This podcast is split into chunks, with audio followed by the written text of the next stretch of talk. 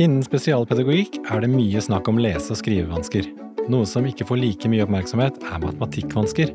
Velkommen til andre episode i podkasten Det virker. I dag skal vi, som du kanskje allerede har gjettet, snakke om matematikkvansker. Men først skal vi få høre Mats Johan Øgård fortelle litt om hvordan det er å leve med matematikkvansker. Podkasten er produsert av SpedAmes, Senter for spesialpedagogisk forskning og inkludering, og er finansiert av Forskningsrådet.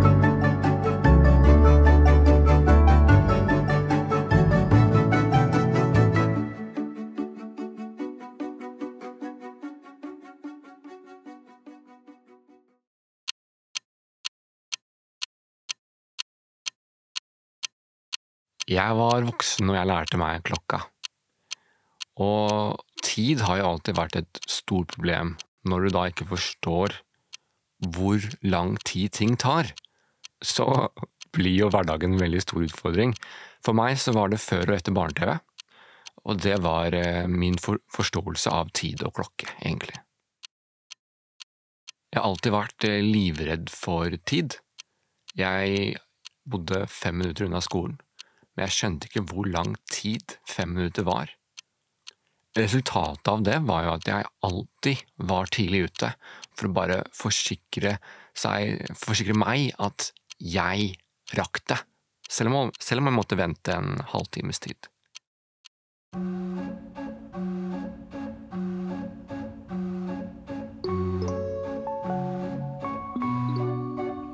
Jeg pleier å forklare dyskalkuli på følgende måte. Ta og Se på hånda di.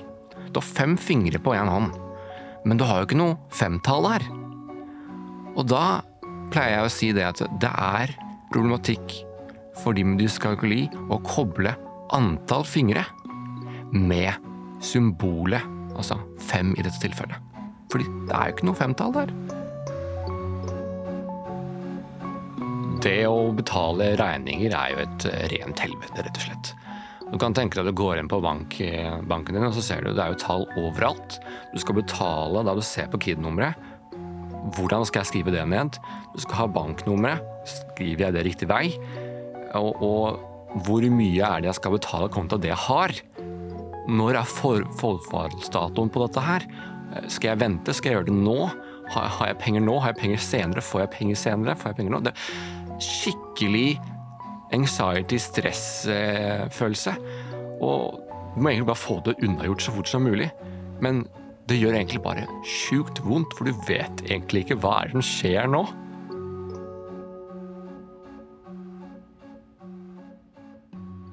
Matematikk har alltid vært det faget som har vært vanskeligst på skolen. Jeg fra veldig tidlig alder slet ikke bare da med å lese tall, men også ordene og fikk da beskjed om at jeg måtte regne i hodet. Men for meg så skjønte jeg ikke engang at jeg hadde ti fingre, så jeg slet skikkelig da med å eh, regne, og jeg hadde mye skam, for jeg ble fortalt det at eh, hvis ikke jeg kunne regne, så kunne jeg ikke gjøre det jeg ville, som var å tegne. Så dette fastsatte seg veldig tidlig hos meg, og ble en sånn underliggende stressmoment som gjorde at jeg satt gjerne seks til åtte timer med matematikkleksene og, og, var livredd for å ikke komme igjennom. Og hvert år ble det bare verre og verre, for du fikk mer og mer høre at jeg, du er dum, du som ikke får til eh, matte, fordi det er det viktigste faget. Eh, for du må regne i hodet. Tusen takk til Mats Johan Øgård. Vi skal høre mer fra han senere i episoden. I studio i dag har vi Jeanette Lindhardt Bauer. Hun jobber som fagleder og rådgiver i Nittedal PPT, og har tidligere jobbet som seniorrådgiver i Statped, avdeling for sammensatte lærevansker. Velkommen til deg. Tusen takk. I tillegg har vi med oss Anita Lopez Pedersen. Hun jobber i dag som førsteamanuensis ved Institutt for grunnskole- og faglærerutdanning ved Oslo OsloMet, og skal veldig snart begynne som førsteamanuensis i matematikkvansker på Universitetet i Oslo. Der skal hun blant annet jobbe med en av forskningsprosjektene i SpedAmes. Velkommen skal du være. Tusen takk. Jeg vil gjerne begynne med å avklare en ting som jeg lurer på. Noen sier spesifikke matematikkvansker, Mats kaller det dyskalkuli, og andre sier bare matematikkvansker. Det er mange merkelapper og begreper her. Hva er det som er riktig å si, Anita? Det er ikke noe som er riktig eller feil. Her er det ulike fagmiljøer som går også inn og setter ulike merkelapper på vanskene. Eh, noen ganger knytter man det til alvorlighetsgraden av vansken, andre ganger så knyttes det til hvem det er som eksempel skal utrede vanskene. Eh, det vi vet, er jo at eh, akkurat som høyde er en normalfordelt ferdighet, så er også matematikk en normalfordelt ferdighet. Så noen ganger så avhenger den merkelappen av hvor vi setter kuttpunktet for å si om noen har eh, vansker. Så det vil på en måte ikke være feil å si dyskalkuli, det er heller ikke feil å si spesifikke matematikkvansker eller matematikkvansker. Så det som Mats har, det er riktig av meg å kalle det for matematikkvansker? Ja. Så matematikkvansker, hva er det egentlig? Matematikkvansker, det er eh, en lærevanske når du strever eh, Altså kjernevansken består i eh, utfordringer med å prosessere tall og mengde, og særlig det å knytte, sånn som Mats fortalte, mengde til tallord og til et tallsymbol. Eh, vi tenker at mennesker er født med sånn iboende kvantitative evner, og vi vet at for de som strever med matematikk og har matematikkvansker, så ligger noe av kjernevansken i, i det eh, å bearbeide tall eh, og, og, knytte det særlig til tallsymboler. Og det igjen, det vil jo føre til at du, du kanskje får også utfordringer med å utføre grunnleggende aritmetiske operasjoner, sånn som de fire regneartene, for eksempel. Hvor vanlig er det? Eh, vi tenker at vi har eh, På et overordnet nivå så er det ca. 15-20% som strever med matematikk av en eller annen årsak, hvorav 3-6% har matematikkvansker, mens 10-15% kanskje har det man kaller lavpresterende elever i matematikk. Og hovedforskjellen på disse to gruppene, det kan vi kanskje knytte til årsakene til at de strever, hvorav de som da i, har den mest alvorlige formen for matematikkvansker, strever med det som er knyttet til eh, det jeg nevnte i stad. Også den andre gruppen, da kan årsakene være f.eks. mangelfull opplæring, eh, høyt skolefravær, eller at de har eh, utfordringer med motivasjon eller stress relatert til matematikk. Så det er omtrent like vanlig som å ha dysleksi? Det stemmer. De som har matematikkvansker, hva er det de oftest strever med? Hva slags matte er det som er vanskelig for dem? Det kommer litt an på når, eh, hvilket aldersspenn vi er i. Vi kan jo egentlig se allerede i barnehagen at tidlige ferdigheter som er knyttet til det å telling eller relasjoner mellom tall og mengder, allerede der er det noen, ser vi at det er individuelle forskjeller på barn. Eh, og når de kommer opp i skolealder, så er det gjerne når de begynner med grunnleggende addisjon og subtraksjon, at vi finner elevene, for at der blir den vansken ganske synlig. Den er kanskje lettere å kamuflere når du driver med den grunnleggende grunnleggende tellingen som man gjerne starter opp med i første klasse. Jeanette, når er det det er vanlig at man fanger opp disse barna i skolen? Hvor gamle er de? Eh, jeg har ikke noe sånn konkrete tall på det, men min erfaring fra både Statped og PPT er at det er mange som blir henvist til PPT for utredning av matematikkvansker, som blir det ganske sent. Gjerne et godt stykke ut på barnetrinnet, veldig sjelden før femte trinn, eh, men også en del på ungdomstrinnet og opp i videregående skole. Og så vet vi at mange av de som får konstatert at de har spesifikke matematikkvansker, de får det så sent som i ungdomsskolen og videregående. Um, og noen får det også som voksne. Og hvor tidlig man oppdager det, henger nok blant annet sammen med hvor god kunnskap man har om tegn på matematikkvansker. Um, og det er veldig vanskelig å oppdage en vanske hvis man ikke kjenner til tegnene på den vansken. Er det en arvelig tilstand, Anita? Det er arvelig i den forstand at hvis du har matematikkvansker selv, så vil barna dine ha økt risiko for å selv utvikle det, men det er ikke deterministisk. Så det betyr at det, det er, da er det en økt risiko for at eh, barna dine også vil ha det. Du nevnte tidligere at eh, matematikkvansker er omtrent like utbredt som dysleksi. Hvorfor er det så få som har hørt om dette?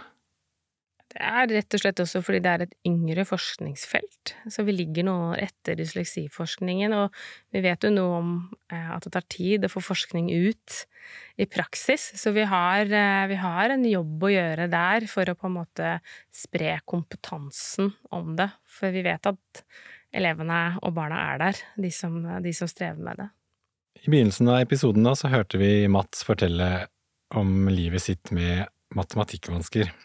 Eh, høres disse fortellingene og eksemplene kjent ut for deg, Jeanette?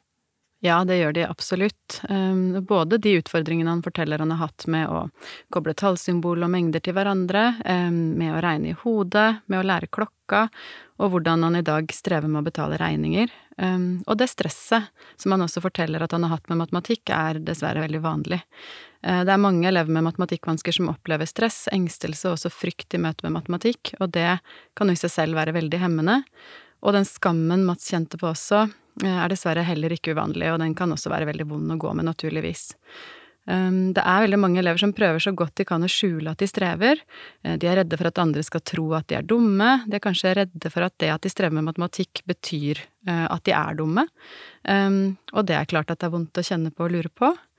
Og så tenker jeg det er viktig at vi som møter de barna og ungdommene, vi vet om det her, og at vi kan hjelpe til med å motbevise det.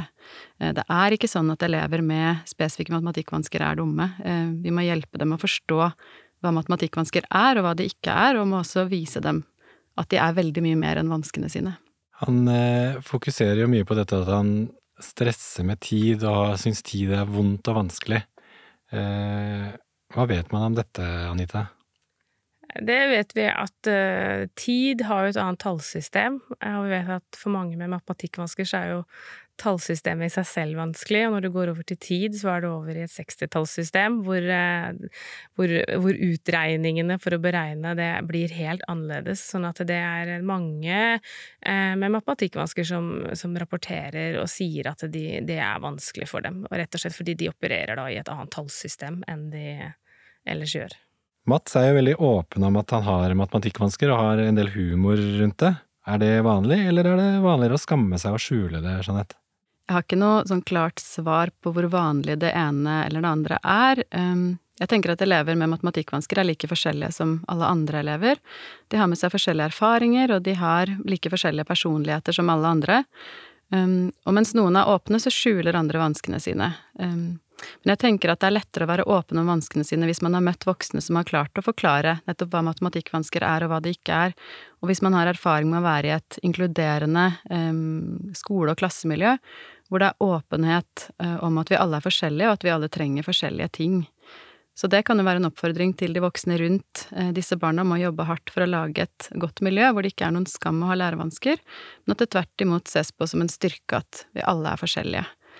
Um, og så tenker jeg også at det ikke nødvendigvis er sånn at humor betyr at man ikke også samtidig kjenner på skam.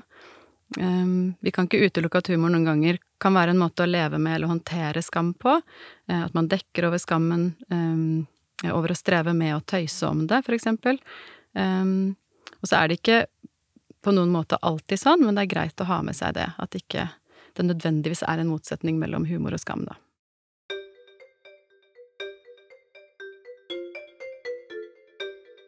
Til tross for at jeg har dyskalkuli, så har det gått bra med meg. Jeg har funnet mine metoder og taktikker. Og eh, dette startet jo da når jeg fikk dyskalkulidiagnosen i åttende klasse. Jeg var en som var veldig veldig heldig. Jeg, en, jeg fikk en matematikklærer som var genuint interessert i temaet dyskalkuli. Så da ble jeg sånn eh, testkanin, og eh, fikk da masse tester og fikk lov til å legge hele bordet fullt av eh, blyanter, som da jeg kunne telle på, ikke sant. Og så fikk jeg med meg leire som jeg da kunne føle og ta på disse tallene.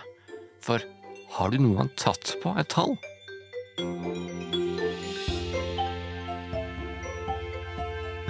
Denne læreren hun tok også og puttet meg sammen med de beste i klassen som gjorde at de lærte mer om hvordan jeg tenkte, men også lærte jeg hvordan dem tenkte.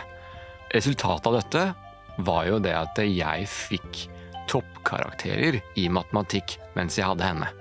Og matematikk ble jo gøy, og jeg forsto det jo fordi jeg hadde blitt forklart det på en så god måte, og ikke minst da mestringsgleden kom. Og da Ja, da var det jo gøy, da.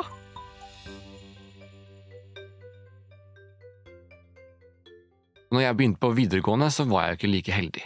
Til tross for at jeg på dette tidspunktet hadde funnet læringsstrategier og teknikker for å hjelpe meg selv, så var tallene fortsatt en utfordring. Men hovedproblemet ble jo det at lærerne hadde manglende forståelse, og at skolen bestemte seg for å putte alle de som var dårlige, i matematikk i én klasse. Det er klart at da får man ikke hjelp.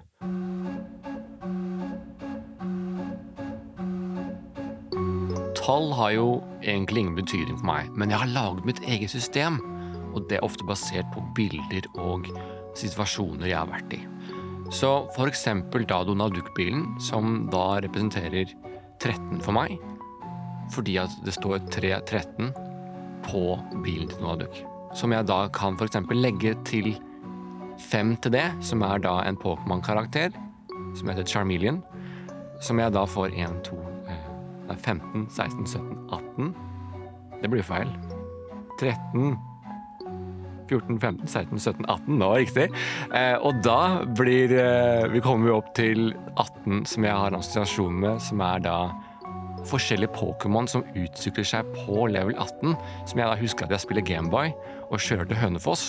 Og da tenker jeg ok, nå utvikler Pidgey seg til Pidgeotto, som er en Pokémon. Og det er min assosiasjon hver gang jeg ser 18.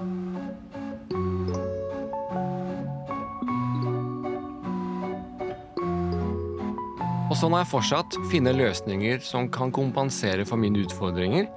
For eksempel, jeg bruker Excel til å lage kalendere som er fargekodet. Jeg går inn, ser på fargene, får med alt jeg trenger, og går ut igjen. Jeg bruker klokkealarmer, f.eks. bare for å komme hit i dag, så jeg har brukt opptil seks alarmer. Og så bruker jeg stoppeklokke for å finne ut hvor lang tid ting tar, så at jeg da får en bedre forståelse av hva jeg skal, og når jeg skal gjøre ting i senere tid. Og så dobbeltsjekker jeg alltid når jeg har en avtale, om jeg har fått med meg riktig tidspunkt og riktig sted. Bare sånn at jeg er helt sikker på at jeg kan utføre den oppgaven jeg har fått beskjed om.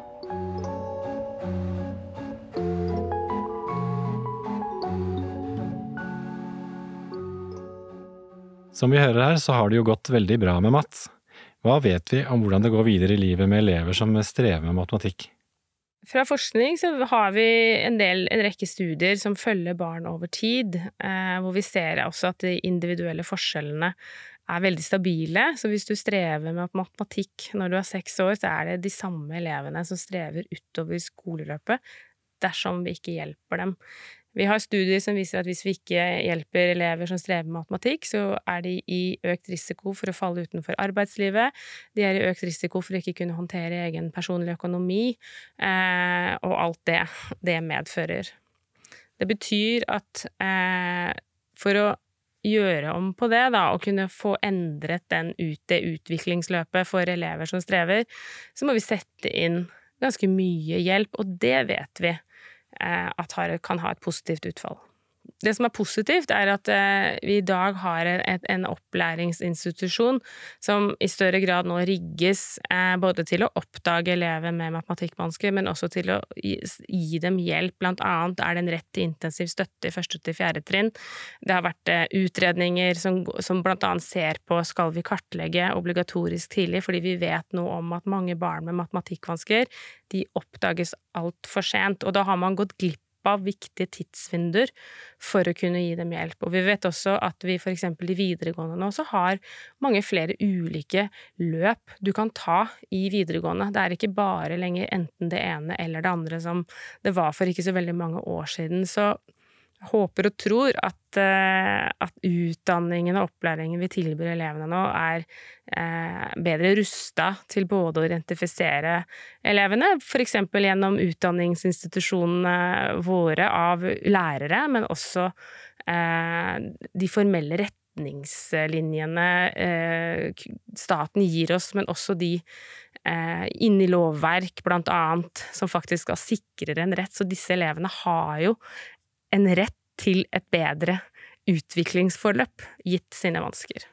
Du nevnte akkurat eh, rett til intensive kurs i småskolen, og opplæringsloven har en paragraf som sier at skolen har plikt til å sette inn intensive kurs når en elev står i fare for å bli hengende etter i småskolen. Hva betyr det å bli hengende etter, Anita? Som jeg nevnte innledningsvis, så er jo matematikkferdigheter også normalfordelt, og i det ligger det også at vi har en normalutvikling av matematiske ferdigheter. Akkurat som vi har det innenfor lesing, grovmotorikk og språk, så finnes det en normalutvikling i matematikk. For vi har ganske mye kunnskap om hvilke kjerneferdigheter som det er viktig og både at elevene kan, og at vi underviser i for å hjelpe de videre i matematikk. Så det å bli hengende etter kan jo handle om når disse ferdighetene ikke utvikles, og det kan vi se ganske tidlig.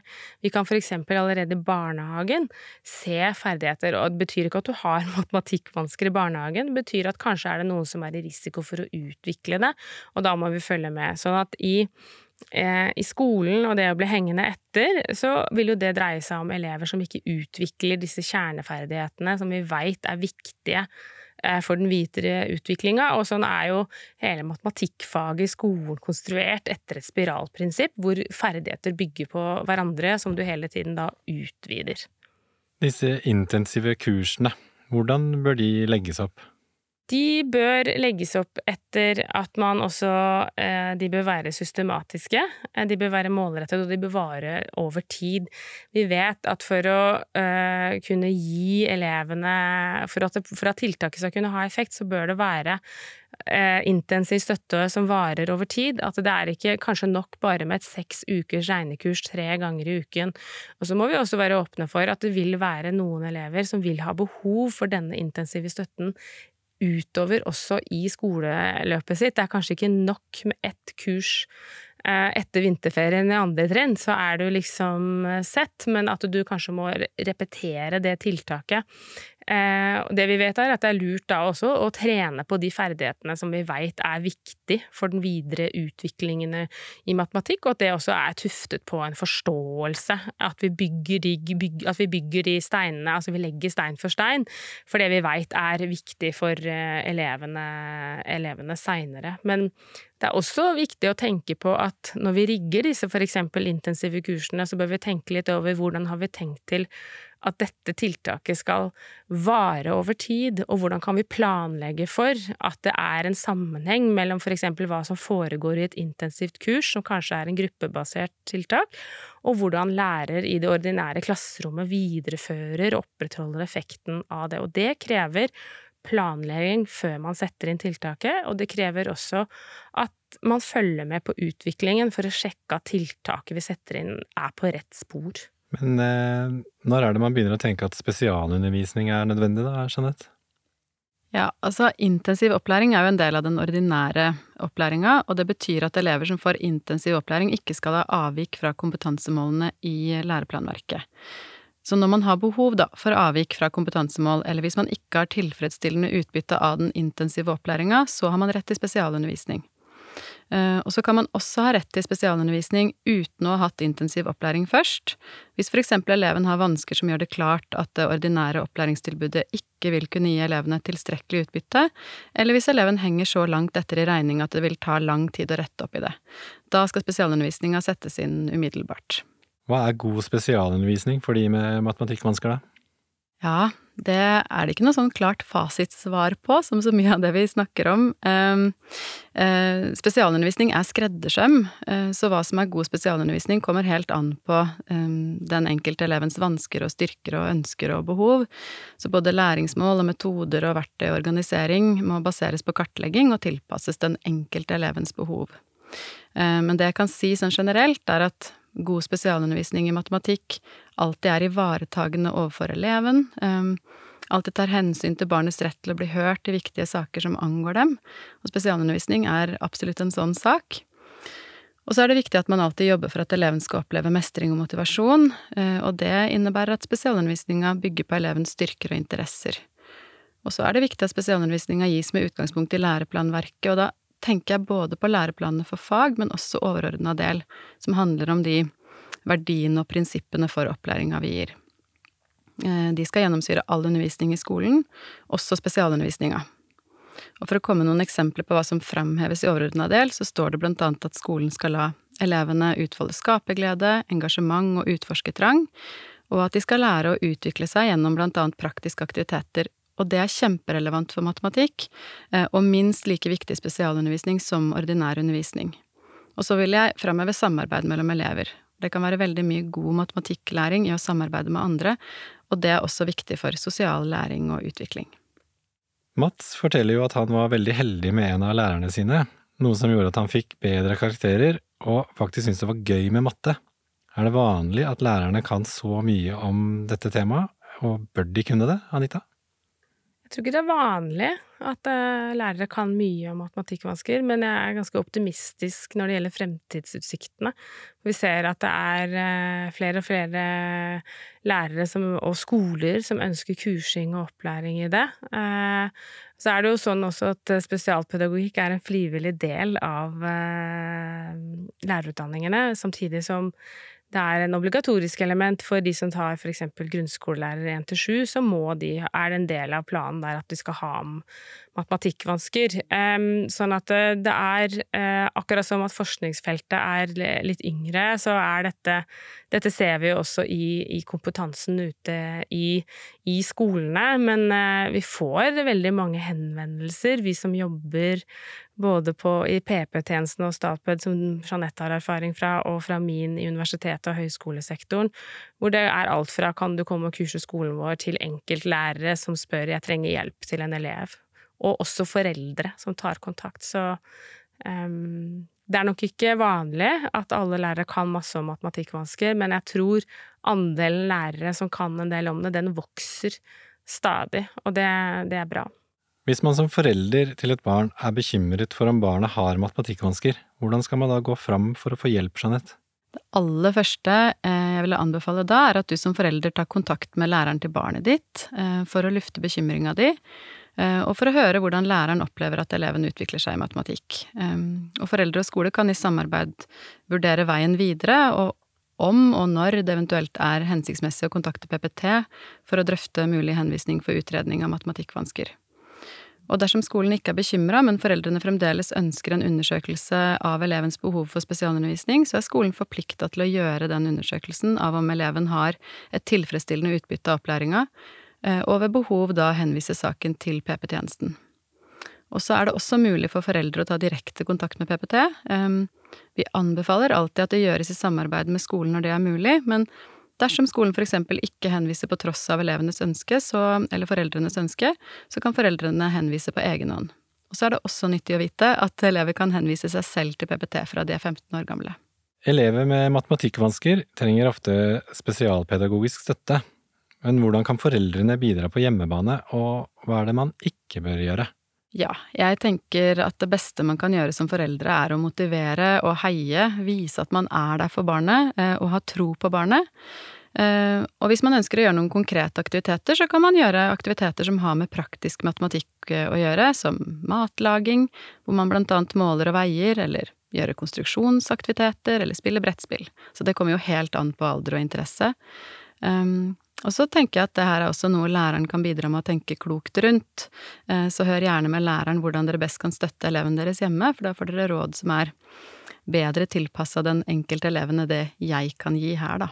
Jeg tenker også det er viktig at foreldre eh, modellerer gode holdninger eh, og positive følelser knytta til matematikk, fordi gitt det vi snakket om i stad, med arv, så kan det hende at det er en del foreldre som har dårlige erfaringer både med faget eller med egen skolehistorikk, at det er kanskje ikke noe man nødvendigvis skal snakke med, med, med barna sine om, i den forstand at det kan lett bli deterministisk for barnet sjøl. Det, ja, det er ikke noe rart jeg strever, fordi det gjorde mora mi òg, eller, eller, faren min. At da kan det gjøre noe med hva kanskje elevene selv ser på som et, eh, et, et potensial i seg sjøl. At ikke hvor foreldres eh, erfaringer nødvendigvis skal At det skal ikke sette begrensninger for hva elevene tenker er deres eget utviklingspotensial.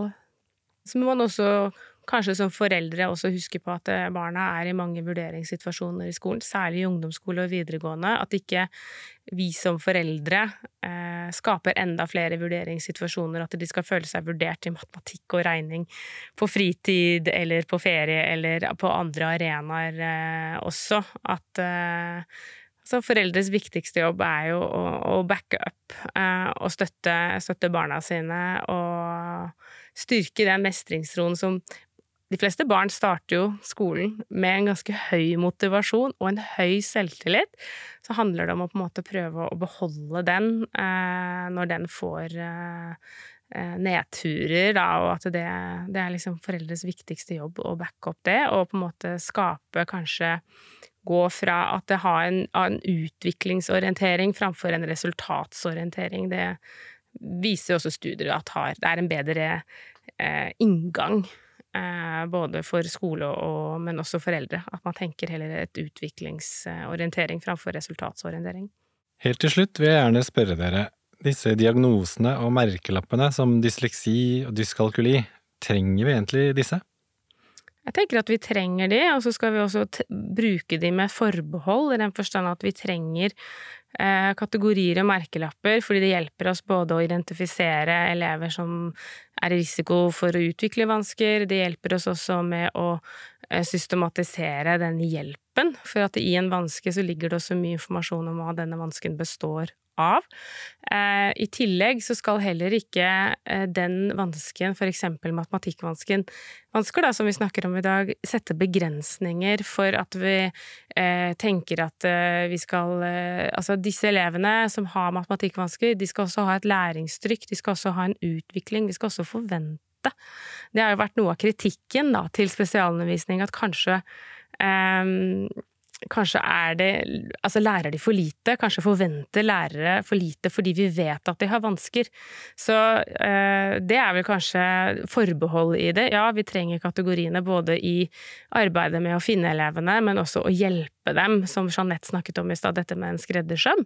Eh, da må vi vite noe om vanskene, hva vanskene er. Eh, samtidig så skal ikke det være som sagt deterministisk i den forstand at vi da tenker at det setter begrensninger på hva vi eh, tenker at de kan ha av utvikling. Jeg er jo også helt enig med Anita at vi trenger, vi trenger, disse merkelappene, for å kalle det det. For mange elever så er det en viktig bekreftelse på at de faktisk strever, at de har reelle vansker, at det ikke bare er noe de selv opplever. Eh, og mange opplever det som en forklaring at de gir svar på nettopp hvorfor er det jeg strever så mye med matematikk. Og når jeg selv, da, fra min egen eh, praksis, har konkludert med spesifikke eh, matematikkvansker, så har jeg sett elever sukke ut og bli veldig sånn letta for det, eh, og glade for det. Eh, noen forteller at de blir glade fordi det betyr at de ikke er dumme, de sier det rett ut 'åh, da er jeg ikke dum'. Eh, eller for at de ikke bare har jobbet nok, at ikke det er det som er forklaringen på at de strever. Så jeg tenker at det absolutt i mange tilfeller kan ha en sånn positiv innvirkning på elevens selvbilde. Og så, når det gjelder viktigheten av diagnoser, så er det samtidig viktig å si at de ikke skal være nødvendige for at man får hjelp og støtte på skolen. For diagnoser utløser eksempel ikke rett til spesialundervisning, eh, det er det elevens utbytte av den ordinære opplæringa som gjør. Eh, og så er heller ikke det helt ukomplisert, for eksempel ved opptak til høyere utdanning, eh, så er det sånn at diagnoser kan gi grunnlag for å søke om dispensasjon fra kravet om generell studiekompetanse. Så hvis man eksempel ikke har stått i matematikk på videregående skole, så kan man søke om dispensasjon grunnet spesifikke matematikkvansker. Men ja, konklusjonen min er som Anita, diagnoser kan være nyttige og viktige. Tusen takk for at dere ville være med i denne episoden av Det virker. Det har vært veldig lærerikt å ha dere her. Takk for at vi fikk komme. Takk for at vi fikk komme.